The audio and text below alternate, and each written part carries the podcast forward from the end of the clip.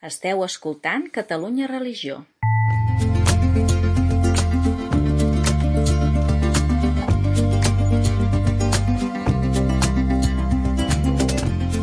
Converses en la frontera, un podcast de Gabriel Jaraba i Xavier Morlans.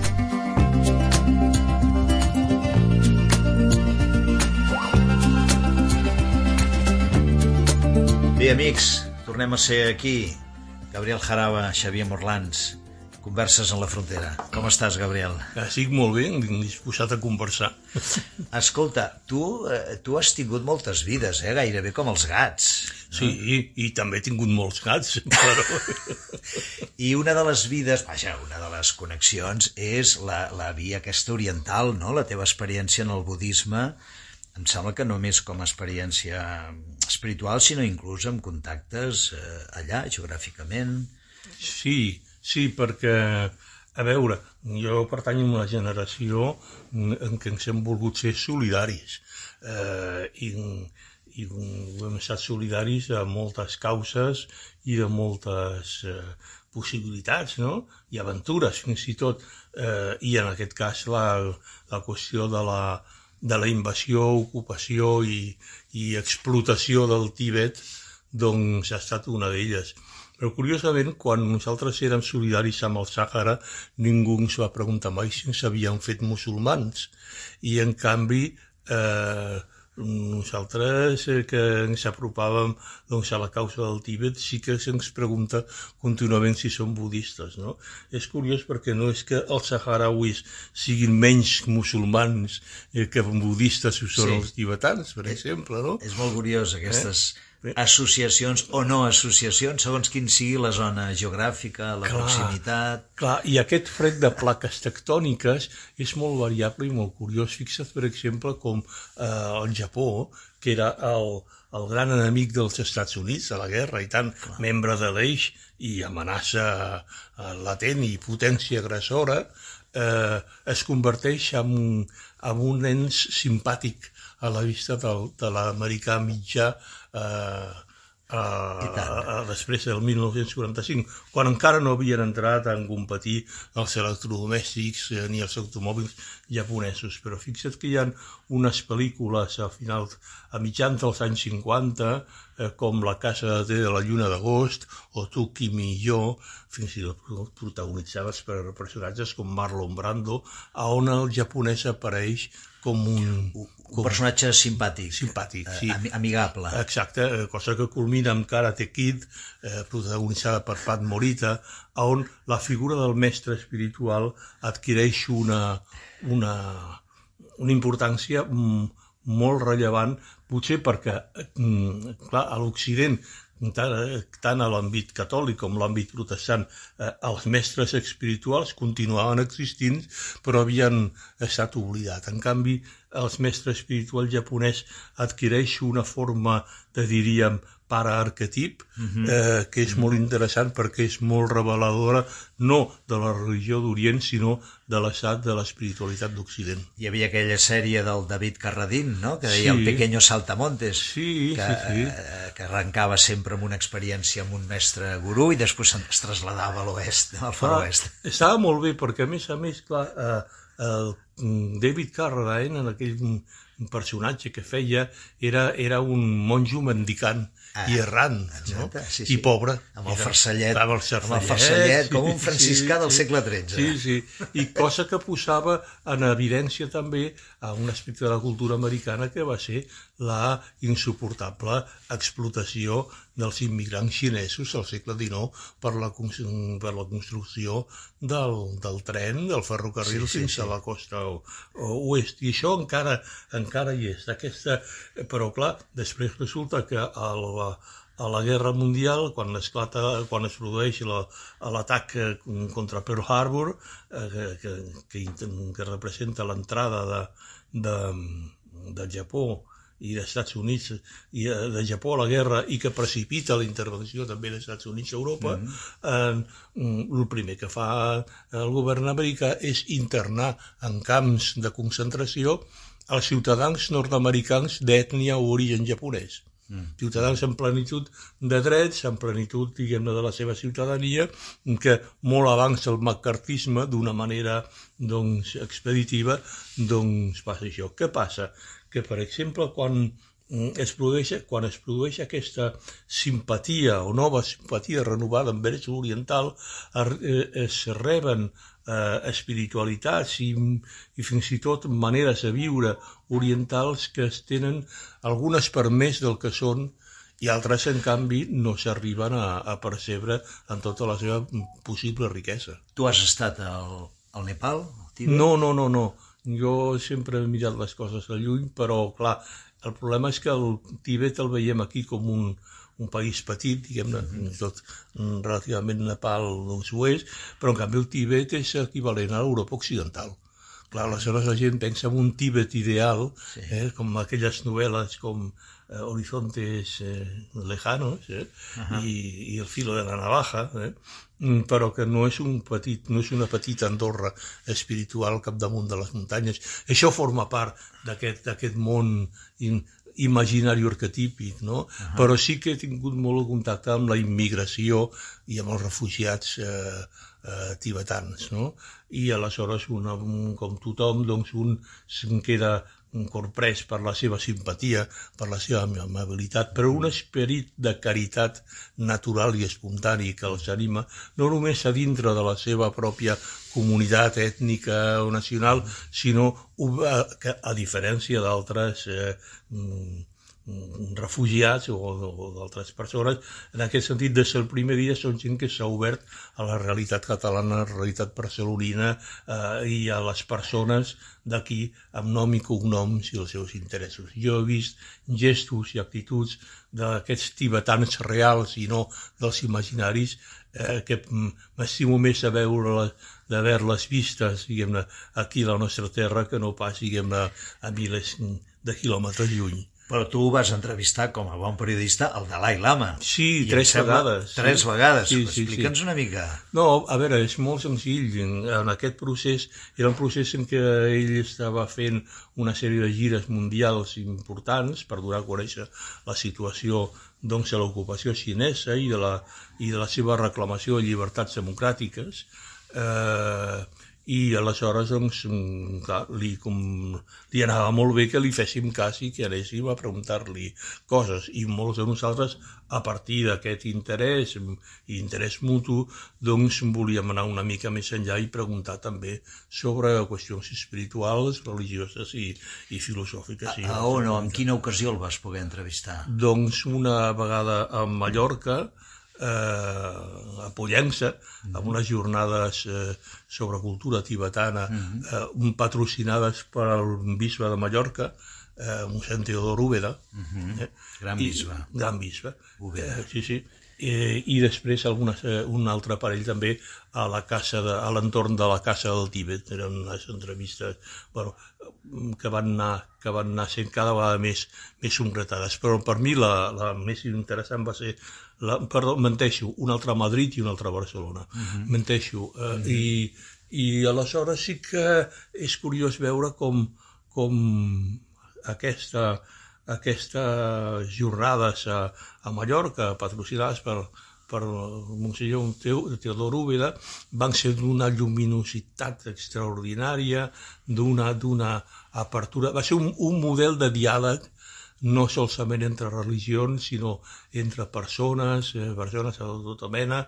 Eh, hi havia gent doncs, eh, de, de, diplomàtics, eh, gestors de premis literaris importants, personatges molt, mm, de molta vàlua i, i, i de molt compromís també i que posaven en, en, en dificultats doncs a vegades els acompanyants del Dalai Lama que eren, que no oblidem que és un monjo i els seus acompanyants doncs, eren mm, monjos, diguem-ne, mm, normals, és com si agafes, doncs, diguem-ne, un monjo mm, diguem-ne, imaginem un monestir, diguem-ne, imaginari bueno, jo, i que és el germà que fa diguem el dirà cada dia sí. i que aleshores se'l poses al mig de la Biblioteca Vaticana a debatre. No? Quina impressió et feia així personalment el Dalai Lama com a, com a persona i després si vas poder o el, del, del contingut Què, mm. què en trauries? Sí, la primera impressió és que és efectivament un monjo, tal com és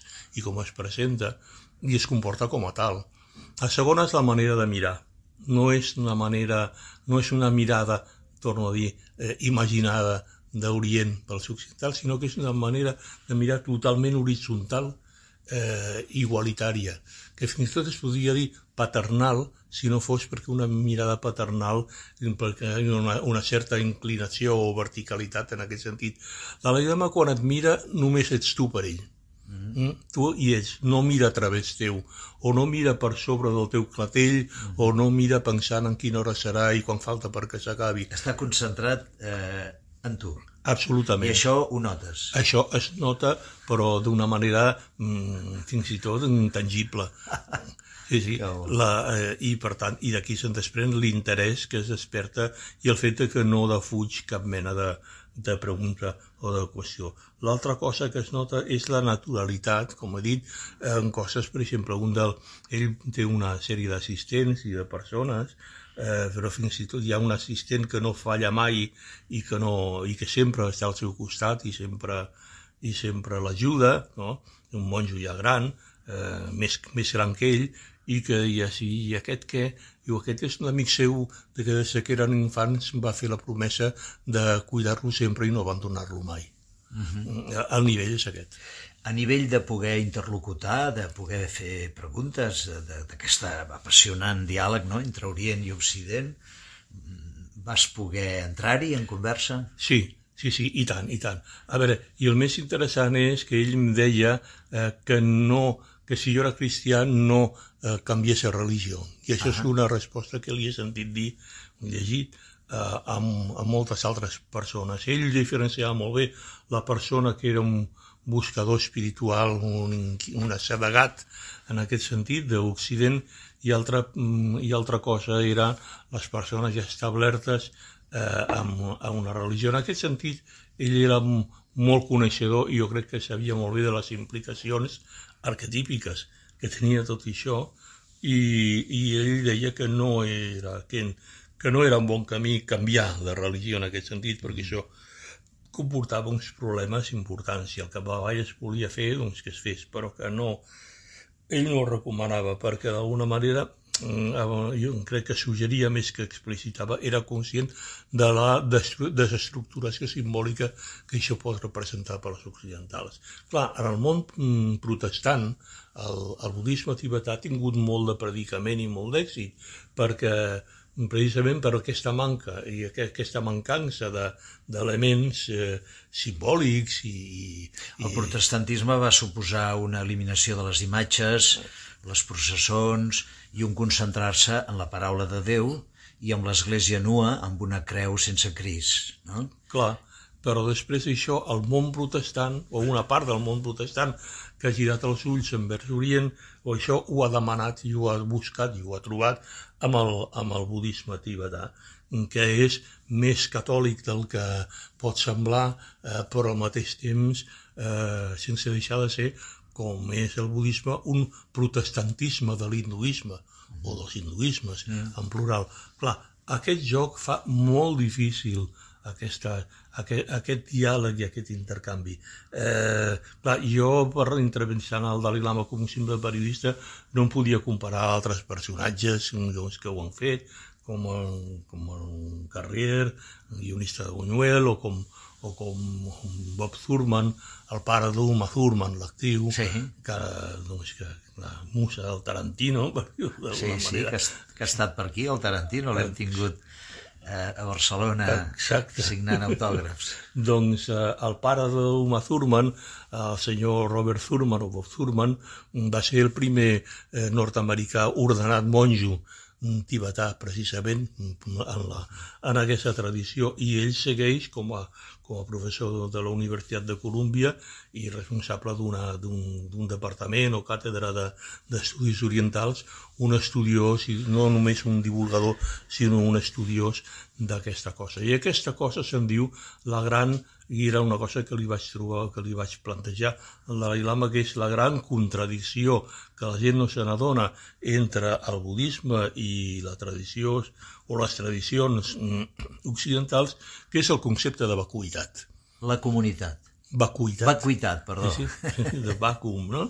És a dir, un concepte que va ser mal entès per als filòsofs o molts d'ells europeus eh, que creien que era nihilisme, no? Ah. I per això el budisme va ser acusat de, de nihilisme i de, i de solipsisme i d'insolidaritat. I això no? no és veritat. Això no és veritat, és a dir, és un concepte, el que passa és que és un concepte molt difícil d'aprendre. Jo vaig tenir que deixar-me alliçonar en aquest sentit a petició doncs, per, per el nostre amic, però, però realment és la qüestió a on es van fixar la, la importància filosòfica que té aquesta trobada d'Orient i Occident. Per a, per a, per a Occident, en versió teïsta o no, hi ha una creació, hi ha una realitat existent, hi ha una sèrie... tot és ple, eh? Uh -huh. Mentre que per a, a, a Orient i abans del budisme, començant pel taoisme, posa el seu accent en aquesta vacuïtat, que no és buidor, és a dir, és buit perquè només eh, si hi ha el, a, una roda al seu eix eh, és buida, pot mm, posar la peça que fa que, el, que la roda giri, que el carro corri. Escolta, tornant a la nostra referent històric, que és el de la música rock del segle XX, és curiós perquè eh, molts artistes, quan van sentir set d'espiritualitat, tornaven al cristianisme. Però, si no vaig errat, corregeix-me, els Beatles són els primers artistes del, del, de, occidentals del segle XX que quan d'alguna manera tenen necessitat de carregar piles espirituals se'n van a la Índia i se'n van a buscar la, la veta aquesta oriental, no? Sí, perquè hi ha una tradició mm, paral·lela o prèvia fins i tot de buscadors espirituals de, de, de, que van d'Occident a Orient i que es remunta i que no solament es refereix a l'Índia sinó a Pèrsia o a Afganistan mm, mm. l'Afganistan d'avui dia és el que és però és que l'Afganistan era una terra promesa diguem en aquests termes fa qüestió de mil anys. No? Però aleshores el que passa és que, com deia Roman Roland, eh, Occident, quan se senten desorientat, mira cap a Orient. Uh -huh. no? mm, I bé, mm, tampoc no s'ha d'estranyar gaire perquè la religió que jo practico és una religió oriental eh, que sorgeix, diguem-ne, de Jerusalem, no? Uh -huh. que tampoc no en sem... El cristianisme. Eh, el cristianisme, no? I que, i que, i que Jesús... I que, mm, que, que després del, de tot aquest temps eh, Jesús no és que es comporti com un mestre oriental, però sí que té una cosa que tornem a retrobar a les tradicions orientals, que és la capacitat d'anar a lo directe, a lo concret, uh -huh. a l'aquí ara, a la situació concreta de l'individu. Resumint una mica, com, com diries tu, quins són les aportacions d'Orient que, que, que les valorem com a tals i on hi hauria, diguéssim, que potser hem de saber pouar més a la pròpia tradició occidental? La primera, la primera tradició és la de eh, la trobada i l'amistat entre cultures. La possibilitat del diàleg i mm -hmm. fins i tot arribar a l'universalisme. A, a, a dintre de la comunitat tibetana a l'exili hi ha hagut una certa dissidència que podíem dir dogmàtica o talibana mhm. -huh. per, un, per alguns que neguen establir-se a Londres generalment, que neguen aquesta diguem-ne compatibilitat o comunicabilitat diguem-ne amb, amb, els, amb els occidentals. Aquests estarien tancats? Exacte. No és possible el diàleg entre no és possible Orient el diàleg, i Occident? I el Dalai és un traïdor per haver-ho fet mm -hmm. i per nosaltres, nosaltres eh, doncs, venerem una deïtat, entre cometes, eh, que es diu Dorje Shukten, eh, que, que és eh, això, que és una, una, una deïtat patronal, per dir d'una manera, uh -huh. i nosaltres aquí no, no ens en sortim, no? Eh, però el primer és aquesta, aquesta capacitat de diàleg, eh, fins i tot eh, aquesta voluntat universalista, en aquest sentit catòlica, és a dir, uh -huh. no li fa cap mena de, de mania ni de fàstic a cap mm, mm, tibetà, un cap, diguem-ne, oriental d'aquesta mena, ser interpel·lat pels occidentals en termes doncs, de conèixer, d'aprofitar, etc. Per això no demana que l'occidental renunciï als seus esquemes, no? que, es posi com, que es posi com una fulla en blanc Lògic, a dialogar amb Orient. No? Lògicament, abans i, i encara segueix passant, és a dir, és el que, passa, el que li passa als Beatles, per exemple, no? Uh -huh. Diu, nosaltres eh, hem viscut sense cap mena de religió que l'herència doncs, europea normal, estem totalment desorientats i ara volem alguna cosa. I aleshores que els pobrets doncs, entren en contacte amb una, amb una pràctica que seria meditació transcendental, uh -huh. eh, que no és una cosa més senzilla del món, que és la meditació eh, amb repetir un mantra, és a dir, una ejaculatòria, sí. que és com es diu mantra en català, sí, no? Sí. Eh, I que això produeix doncs, un, l'accés a un estat de consciència superior. Evidentment, la meditació ejaculatòria doncs, el que produeix és una, cal, un estat de calma mental molt apreciable, que és l'A de l'ABC, però en aquell moment aquells nois es van trobar doncs, en que darrere d'aquesta eh, qüestió i d'aquesta pràctica hi havia una, una pràctica comercial de la qual ells no se n'adonaven doncs, que van ser alhora, alhora clients i pacients. Uh -huh.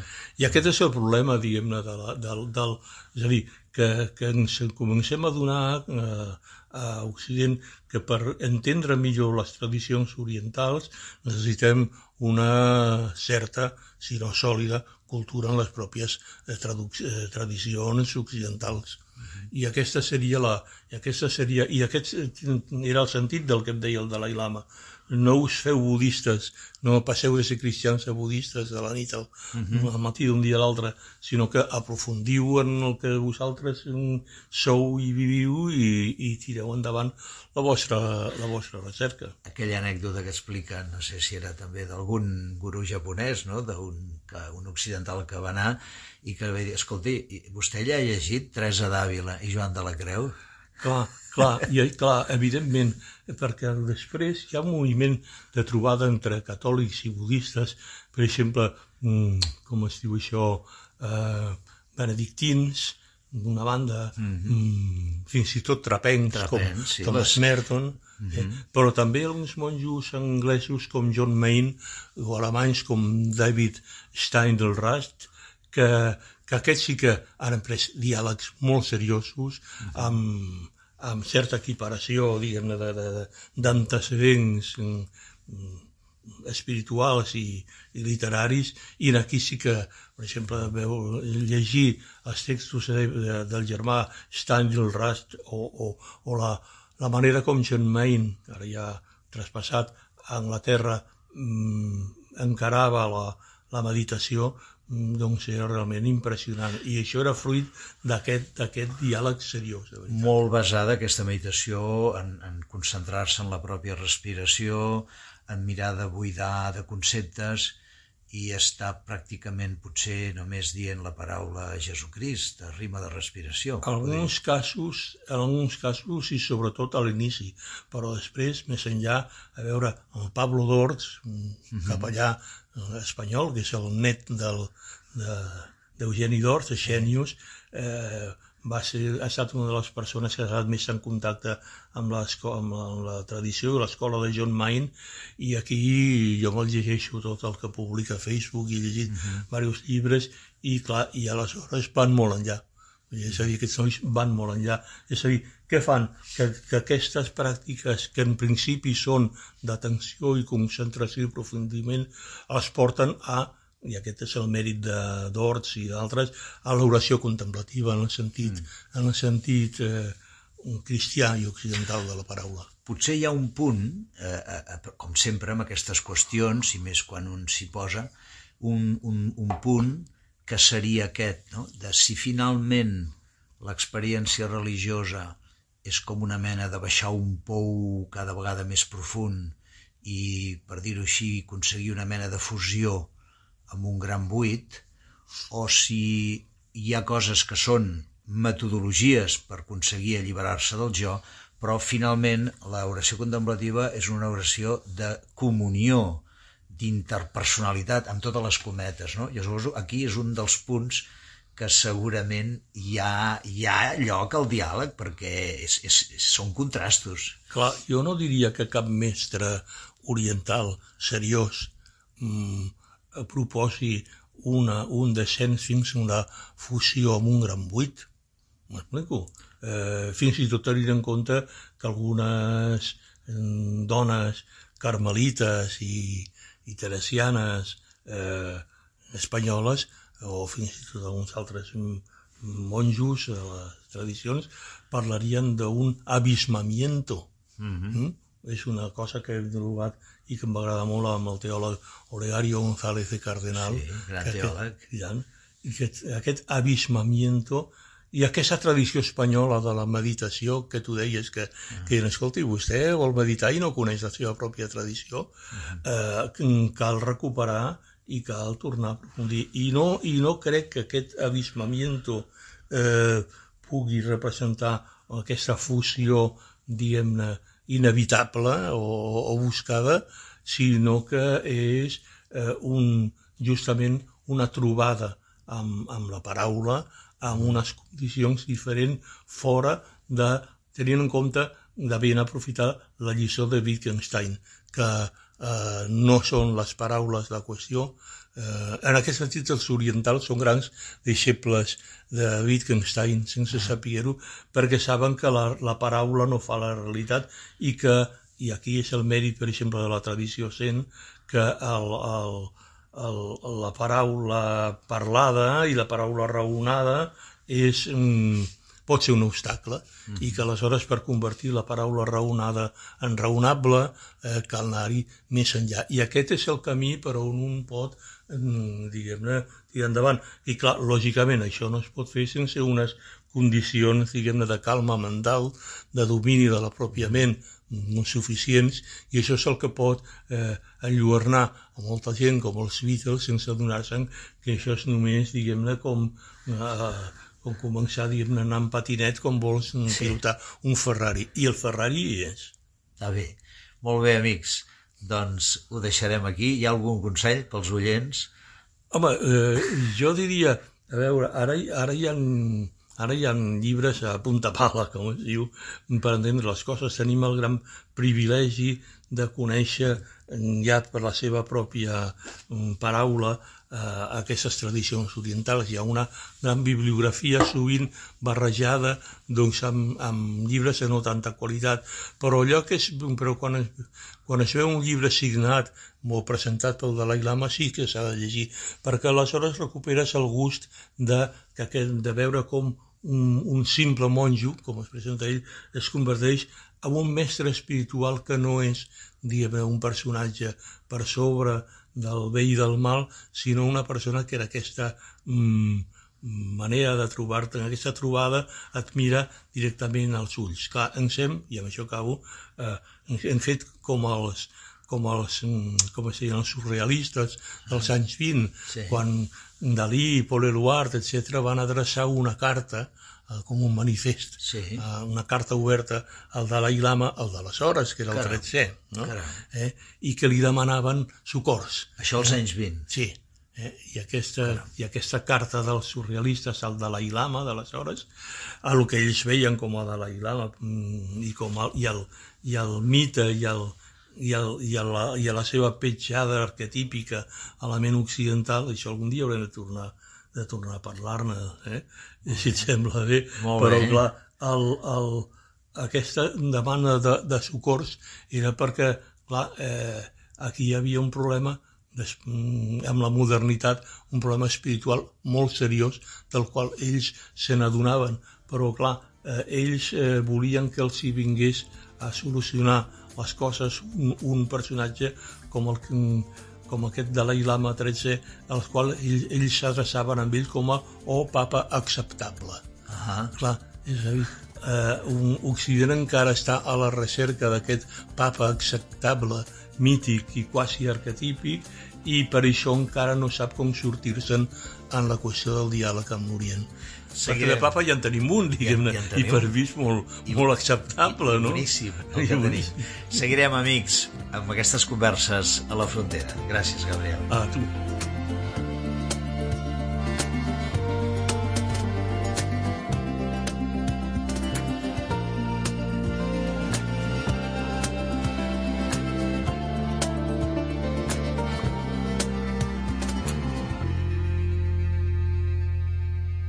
Catalunya Religió.